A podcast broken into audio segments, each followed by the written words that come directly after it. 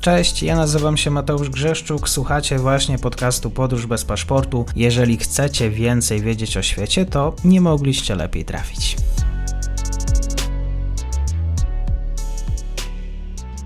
Dzień dobry wszystkim słuchaczom. Ze mną jest dzisiaj pan dr Andrzej Szabaciuk, Katolicki Uniwersytet Lubelski, również Instytut Europy Środkowej. Będziemy rozmawiać o, o sytuacji na Białorusi. Dzień dobry, panie doktorze.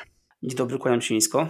No właśnie, y, często w takiej przestrzeni medialnej mm, częściej mówi się o sankcjach nałożonych na Rosję, jednakże wielu ekspertów y, potwierdza, że również tego typu sankcje należą się Białorusi z uwagi na to, że sama Białoruś udostępnia sprzęt, często ludzi, też teren do tego, żeby atakować Ukrainę.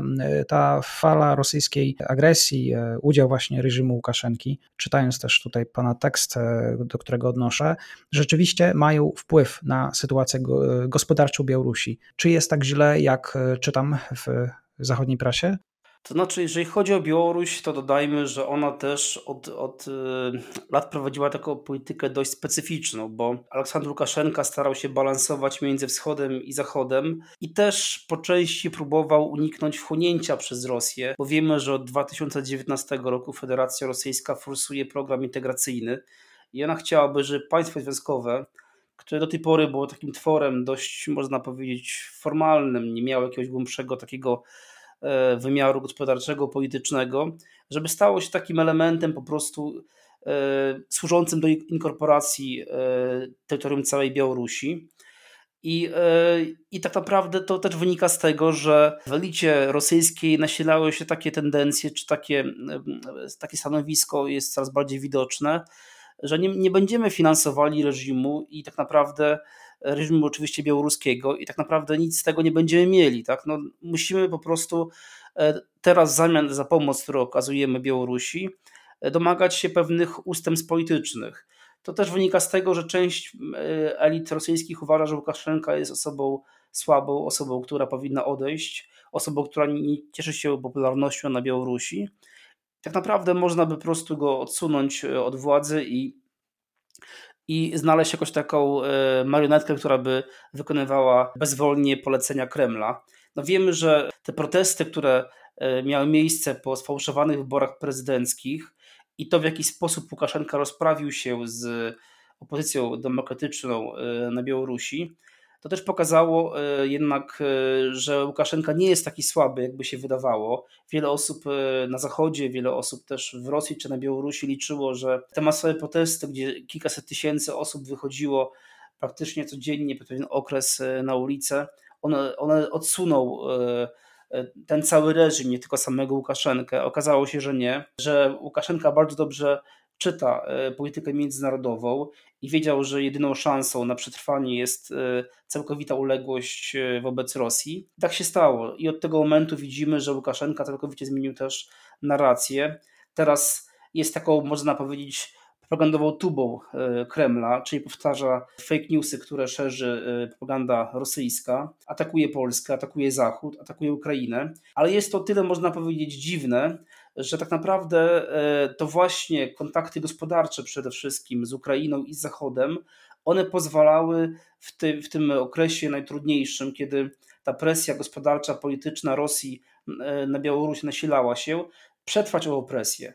Dlaczego tak, się, dlaczego, tak było? Dlatego, że po prostu ta wymiana handlowa z Unią Europejską, z Ukrainą, ona e, była bardzo korzystna dla Białorusi. Krótko mówiąc, ten bilans handlowy był bardzo, bardzo pozytywny i oczywiście obecnie, obecnie to e, Federacja Rosyjska i Chiny są głównymi partnerami e, handlowymi Białorusi, e, ale warto podkreślić, ale ta wymiana z tymi państwami jest niekorzystna, czyli bilans handlowy jest na minusie. Natomiast jeżeli chodzi o wymianę handlową, do tej pory przynajmniej z Unią Europejską, to zauważmy, że w 2021 roku ona była na tyle korzystna, że, że ten bilans był na plusie od, e, o 2,7 miliarda dolarów, z Ukrainą z kolei o 3,9 miliarda dolarów. To pokazuje, jak, jak ważne, ważnymi partnerami handlowymi by, była Unia Europejska i Ukraina.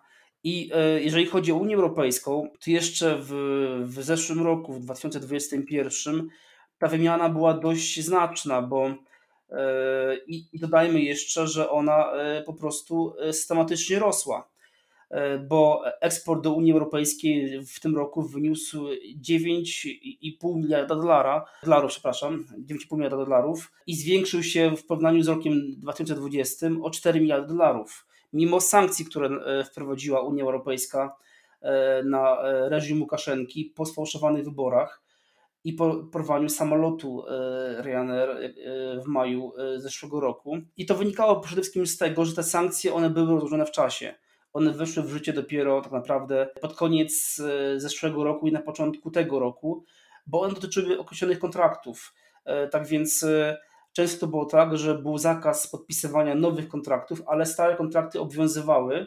Najczęściej one obowiązywały do, po prostu w takich perspektywach rocznych, czyli kończyły, skończyły się w tamtym roku w grudniu i e, one weszły w siłę dopiero na początku tego roku tak naprawdę. Więc z punktu widzenia Białorusi ta sytuacja była skrajnie niekorzystna, ale dodajmy, że jednocześnie e, bardzo mocno rósł udział Ukrainy w wymianie międzynarodowej białoruskiej. To też wynikało z tego, że Ukraina nie przyłączyła się do sankcji unijnych. Y, które nałożyła Unia Europejska na Białoruś po y, sfałszowanych wyborach prezydenckich y, w 2020 roku. I duża część tranzytu, który, który, tranzytu białoruskiego przychodziła przez terytorium Ukrainy, między innymi przez porty czarnomorskie, przez Odessę między innymi właśnie. I tutaj chodziło przede wszystkim o nawozy, które zablokowała e, Litwa, e, tranzyt, który zablokowała Litwa. Także kwestia sprzedaży paliw. Ukraina praktycznie no nie miała żadnej nowoczesnej rafinerii. Te rafinerie, które, które miała, one były z innej epoki tak naprawdę i większość paliw importowała z, z zagranicy. I tutaj między innymi właśnie Białoruś była jednym z głównych producentów paliw, które trafiały na rynek na rynek e, ukraiński. E, wcześniej oczywiście to Rosja była tym głównym dostawcą, ale po 2014 roku Ukraińcy ograniczyli możliwości zakupu e, paliw z tego kierunku i na przykład 78% benzyny sprzedawanej na Ukrainie to była benzyna białoruska jeszcze do, do lutego tego roku. Więc to pokazuje, jak duży był udział tych towarów białoruskich, e, które trafiały na rynek ukraiński, także nawozy. Że w momencie, kiedy możliwość sprzedaży nawozów e, do Unii Europejskiej e, została ograniczona bardzo wyraźnie, Ukraina dalej kupowała te nawozy. Co więcej, część tych towarów trafiała przez Ukrainę do Unii Europejskiej, trochę można powiedzieć, w ten sposób obchodzono sankcje. To był taki też drażliwy temat, ale oczywiście takie praktyki miały miejsce. Więc y, krótko mówiąc, z punktu widzenia Białorusi, ta wymiana handlowa i z Unią Europejską, i z Ukrainą była bardzo ważna, bo dzięki tej wymianie e, Ukraina pozyskiwała, e, Białoruś pozyskiwała dewizy, które wykorzystywała do opłacania przede wszystkim ropy naftowej i gazu kupowanego w Federacji Rosyjskiej, bo do kwietnia tego roku gaz i ropa naftowa z Federacji Rosyjskiej były kupowane za dolary. Dopiero od tego, e, od kwietnia zmieniono te wzajemne, wzajemne odliczenia na ruble rosyjskie. Więc e, obecnie Białoruś musi znaleźć e, alternatywę dla rynków europejskich i dla rynku ukraińskiego, bo wojna spowodowała, że te, te szlaki, te tradycyjne szlaki, czy tradycyjni partnerzy handlowi białoruscy zostali, zostały po prostu zamknięte dla Białorusi. No i oczywiście to jest, to jest konsekwencja sankcji, które Unia Europejska i Stany Zjednoczone i szereg innych państw nałożyły na e, Białoruś za e, po pierwsze e, sfałszowanie wyborów prezydenckich i oczywiście obecnie za wspieranie Rosji w jej agresji przeciwko Ukrainie. Jak właściwie dzisiaj się żyje samym Białorusinom? Jak wygląda ta sytuacja w białoruskim portfelu? No to jest oczywiście trudne pytanie, ponieważ w państwie, które jest państwem, można powiedzieć, no, praktycznie totalitarnym, bo ciężko mówić, że autorytarnym, bo władze mają możliwość ingerowania w każdą sferę e, życia człowieka. Ciężko jest przeprowadzić takie obiektywne i dokładne badania socjologiczne. Też jeżeli chodzi o dane ekonomiczne, które obecnie e, są ogólnie ogólnodostępne, te dane są nie do końca wiarygodne. To, to, to samo dotyczy Rosji. Widzimy, że od praktycznie 2020 roku liczba danych, które są udostępniane przez władze białoruskie, władze rosyjskie stale jest ograniczana. Oczywiście pretekstem jest rzekoma ochrona interesów narodowych, czy utajnienie pewnych kluczowych E, informacji z punktu widzenia bezpieczeństwa państwa, tak twierdzą e, władze Białorusi czy Rosji. Na przykład nie, nie wiemy, ile osób umarło e, na Białorusi od 2020 roku, co może sugerować, że pandemia COVID-19 miała ogromny wpływ na sytuację ludnościową Białorusi. Bo gdyby nie, przecież było inaczej, to dlaczego by tych danych nie można było udostępnić, tak? Więc to, co wiemy, to są, to są dane szacunkowe, dane E, dane, można powiedzieć, też sporządzone e, czy pozyskane w sposób taki no, nie, nieoficjalny, ale obserwujemy, że gwałtownie spada e, poziom życia i realne, i realne płace zwykłych Białorusinów. To wynika z kilku kwestii. O pierwsze, oczywiście, jeżeli chodzi o białoruską gospodarkę, ona od, od, od lat stała na przedsiębiorstwach państwowych. Te przedsiębiorstwa państwowe, one, one żyły przede wszystkim, tak mówiąc kolokwialnie, Y, z przerobu surowców energetycznych rosyjskich. Tutaj chodzi mi przede wszystkim o, o ropę naftową i gaz ziemny. Dwie duże rafinerie w Mozyżu i Nowopołocku. One są zbyt duże, żeby produkować tylko i wyłącznie na rynek, na rynek białoruski. Białoruś jest państwem niewielkim, 10 milionowym, więc nie potrzebuje dwóch dużych, nowoczesnych rafinerii. Y, więc y, one były stworzone z myślą o, o, o eksporcie produkcji białoruskiej.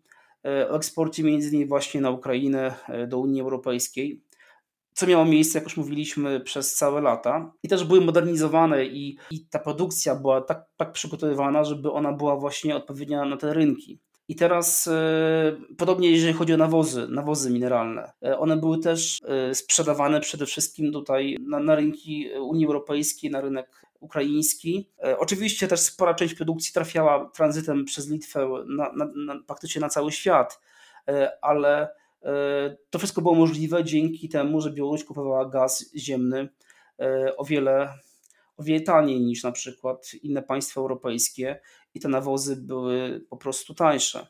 I teraz ma, Białoruś ma poważny problem i te przedsiębiorstwa mają poważny problem, ponieważ no nie, nie ma możliwości sprzedaży produktów, więc obniżane też są systematycznie e, wynagrodzenia, które są wypłacane pracownikom. To wszystko jest w sposób niejawny e, i ukrywany przed społeczeństwem robione. E, na razie reżim sugeruje, że to jest tymczasowo, że w najbliższym czasie ta sytuacja ulegnie zmianie, Problem polega jednak na tym, że Białorusini nie znaleźli do tej pory alternatywy dla rynku europejskiego i ukraińskiego. I to nie chodzi tylko i wyłącznie o sam e, eksport, ale też chodzi tutaj o, o tranzyt e, produkcji białoruskiej, bo jedyną drogą w tym momencie otwartą, która, która, która jest realna e, i możliwa do, do wykorzystania, to jest droga przez Rosję, czyli tranzyt przez Rosję. Tu mamy problem taki, że Rosjanie sami w dość dużym stopniu wykorzystują te szlaki, które chce wykorzystywać Białoruś i porty, które chce Białoruś wykorzystywać, a dwa, że Białorusini sprzedają e, produkty, które są konkurencyjne dla produktów rosyjskich, czyli i, e, i olej napędowy, benzyna, i nawozy mineralne, one też są sprzedawane przez Rosję. Więc już nie mówiąc o ropie naftowej, którą też sprzedawała Białoruś w znacznych ilościach, między innymi do Polski chociażby. Więc, więc tutaj po prostu, ponieważ te, państwo, te, te przedsiębiorstwa państwowe są gdyby takim e, no, filarem gospodarki białoruskiej, siłą rzeczy one, ich, ich, ich zła kondycja wpływa na sytuację zwykłych ludzi. No ale jeszcze jest inna kwestia. No, na przykład wiele firm, które do tej pory dość dobrze funkcjonowały na rynkach światowych, między innymi firmy z obszaru IT, one przenoszą się e, do e, Unii Europejskiej, e, one przenosiły się wcześniej na Ukrainę. Także z tego powodu, że na przykład kontrahenci zachodni nie chcieli podpisywać umów z firmami białoruskimi po prostu, bo nie chcieli wspierać reżimu Łukaszenki. Dalej kwestia, która też pojawiała się w tych dyskusjach o, o wyjeździe z Białorusi, to kwestia oczywiście niestabilności gospodarczej, bo nikt nie wie, jak w obecnych realiach gospodarczych będzie wyglądała sytuacja Białorusi za pół roku, za, za rok, za dwa, wiele wskazuje, że będzie o wiele gorsza, że będzie wiele trudniej. No i kwestia oczywiście wojny, która jest e, w sąsiedztwie Białorusi i to stałe zagrożenie, że Białoruś po prostu będzie aktywniej w tej wojnie uczestniczyła, że wyśle swoich żołnierzy na Ukrainę, to też może sprawić, że e, będą powołani do, e, do wojska e, młodzi, powiedzmy, informatycy, młodzi inżynierowie, specjaliści. I oni, oni, którzy, oni w sytuacji, kiedy mogą bez problemu wyjechać na zachód do, do pracy, bo praktycznie pracując w branży IT, czy będąc jakimś inżynierem, lekarzem, bez problemu można zmienić miejsce pracy i wyjechać za granicę. Oni w pierwszej kolejności chcą wyjechać z Białorusi, bo nie widzą tam dla siebie przeszłości i boją się po prostu tego, że będą zmuszeni do walki e, przeciwko Ukrainie, e, co jest też taką no, niepokojącą perspektywą dla nich. E, już niejednokrotnie pojawiały się takie głosy, że Białoruś na dzień włączy się do wojny i wyśle swoich żołnierzy na, na Ukrainę. Więc ja myślę, że to też jest taka niepewność, brak, brak perspektyw rozwojowych i też co tu dużo mówić, mamy obiektywne rankingi naj, e, największych agencji ratingowych globalnych i te ratingi są e, dla Białorusi katastrofalne.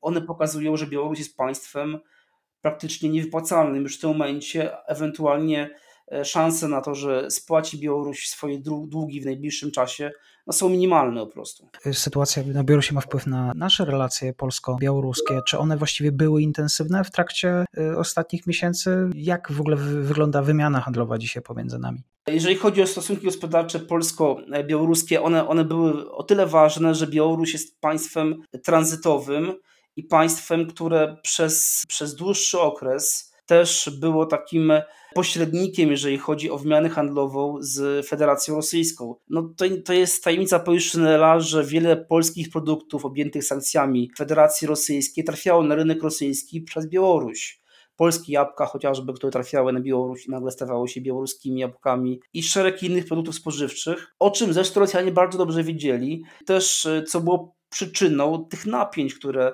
narastały w stosunkach politycznych, między innymi z e, Białorusią e, i tej krytyki, która spadała na Łukaszenkę właśnie ze strony Kremla. Więc Polacy mieli dość dobre kontakty w tej sferze gospodarczej oczywiście z Białorusią. Także tranzyt białoruski, on był, w sensie ten sektor transportowy białoruski, on, on był e, wykorzystywany przez Polskę jako ważny partner w wymianie handlowej. No i oczywiście kupowaliśmy dużo E, ropy naftowej z, z Białorusi, co było też e, ważnym e, elementem owej wymiany. Nawozy oczywiście, także mineralne białoruskie. Tak więc ta wymiana handlowa z Białorusią była duża i Białorusini też sporo sprzedawali swoich towarów do Polski, bo jeszcze w zeszłym roku ten eksport białoruski do Polski wynosił ponad 2 miliardy dolarów, więc był całkiem spory i Polska była jednym z najważniejszych partnerów handlowych e, Białorusi obok, obok Ukrainy między innymi, Rosji oczywiście i obecnie Chin. Tak więc e, tym elementem, który wpływał na nasze stosunki gospodarcze była przede wszystkim polityka. Zauważmy jednak, że zaraz po wyborach prezydenckich Polska przedstawiła Łukaszence ofertę pewnego kompromisu e, i sugerowała, że jest w stanie pomóc Białorusi w jej relacjach, e, trudnych relacjach z Rosją w tej sferze gospodarczej, pod warunkiem, że Łukaszenka zdecyduje się na pewne ustępstwa polityczne i dialog z opozycją. I te plany były całkiem realne, bo one też uzyskały akceptację Unii Europejskiej e, we wrześniu 2020 roku. Ale Łukaszenka wybrał inną drogę i uznał, że e, ustępstwa są złym kierunkiem, należy iść w kierunku jednak zaostrzenia polityki wobec opozycji i zbliżenia z Rosją. Tak więc sam Łukaszenka wybrał e, zbliżenie z Rosją i to, co teraz obserwujemy na Białorusi, e, jest konsekwencją jego decyzji e, indywidualnych, można powiedzieć. Więc w przyszłości zapewne skutki tego będą takie, że sytuacja gospodarcza Białorusi będzie jeszcze trudniejsza, dług, bo o tym trzeba powiedzieć, dług białoruski będzie stale rósł. I tu nie chodzi tylko o, o te zobowiązania, które ma Białoruś wobec e, Federacji Rosyjskiej, która jest największym wierzycielem Białorusi, ale też ten dług wewnętrzny, bo przedsiębiorstwa państwowe, e, one wypłacają swoim pracownikom wynagrodzenia, często w okrojonej, w okrojonej e, wielkości, ale niejednokrotnie te wynagrodzenia są wypłacane na kredyt, który zaciągnięty jest e, u państwa białoruskiego. Nie płacą podatków te przedsiębiorstwa, czy są zwalniane z podatków, są e, dotowane przez, przez budżet białoruski i, i dlatego ten dług stale rośnie. To zadłużenie przedsiębiorstw stale rośnie. One produkują często w tym momencie do e, magazynów, produkują tylko i są, krótko mówiąc, no, nierentowne. Więc bez zmiany politycznej, bez poprawy sytuacji politycznej, no trudno oczekiwać, żeby, żeby te stosunki polsko-białoruskie w tej sferze gospodarczej poprawiły się. Tym bardziej, że Polacy stoją na stanowisku, że presja gospodarcza, presja polityczna na, na Białoruś jest konieczna. To, że ona ma, ma sens, pokazują też takie kuriozalne, trochę irracjonalne decyzje reżimu Łukaszenki, chociażby jak zniesienie wiz dla e, Polaków, Litwinów. Łukaszenka liczy w ten sposób, że Polacy będą masowo jeździli na Białoruś, kupować tanie paliwo, e, alkohol, papierosy i w ten sposób zasilać budżet e, białoruski, co, co się nie stało, jak dobrze wiemy.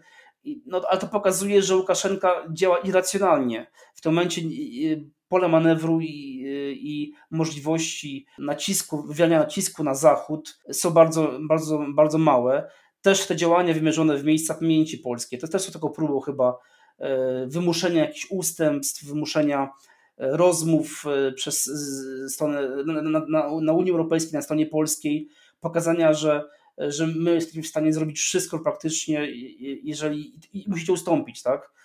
Bo inaczej, inaczej ta sytuacja będzie jeszcze gorsza. Straszenie atakiem jądrowym, tym, że Białoruś będzie dysponowała bronią jądrową, straszenie zniszczeniem centrów decyzyjnych w Polsce. To pokazuje taką, taką można powiedzieć, no trochę irracjonalność reżimu Łukaszenki, ale ona wynika też po części z tej desperacji, w której się znalazł obecnie Łukaszenka, bo nawet gdybyśmy porównali e, ratingi tych największych agencji ratingowych, to sytuacja e, Rosji jest trudna, ale w miarę stabilna. Natomiast sytuacja Białorusi jest katastrofalna. Te ratingi y, w większości, one, jak już mówiłem, traktuje Białoruś jako państwo częściowo w tym momencie już nieopłacalne i, i praktycznie no, no, gospodarczego bankruta. Tak, oczywiście dzisiaj o sytuacji gospodarczej Białorusi, która jak widzimy, no, brak perspektyw na pewno na jej, jej poprawę. Doktor Andrzej Szabaciuk był gościem. Bardzo dziękuję.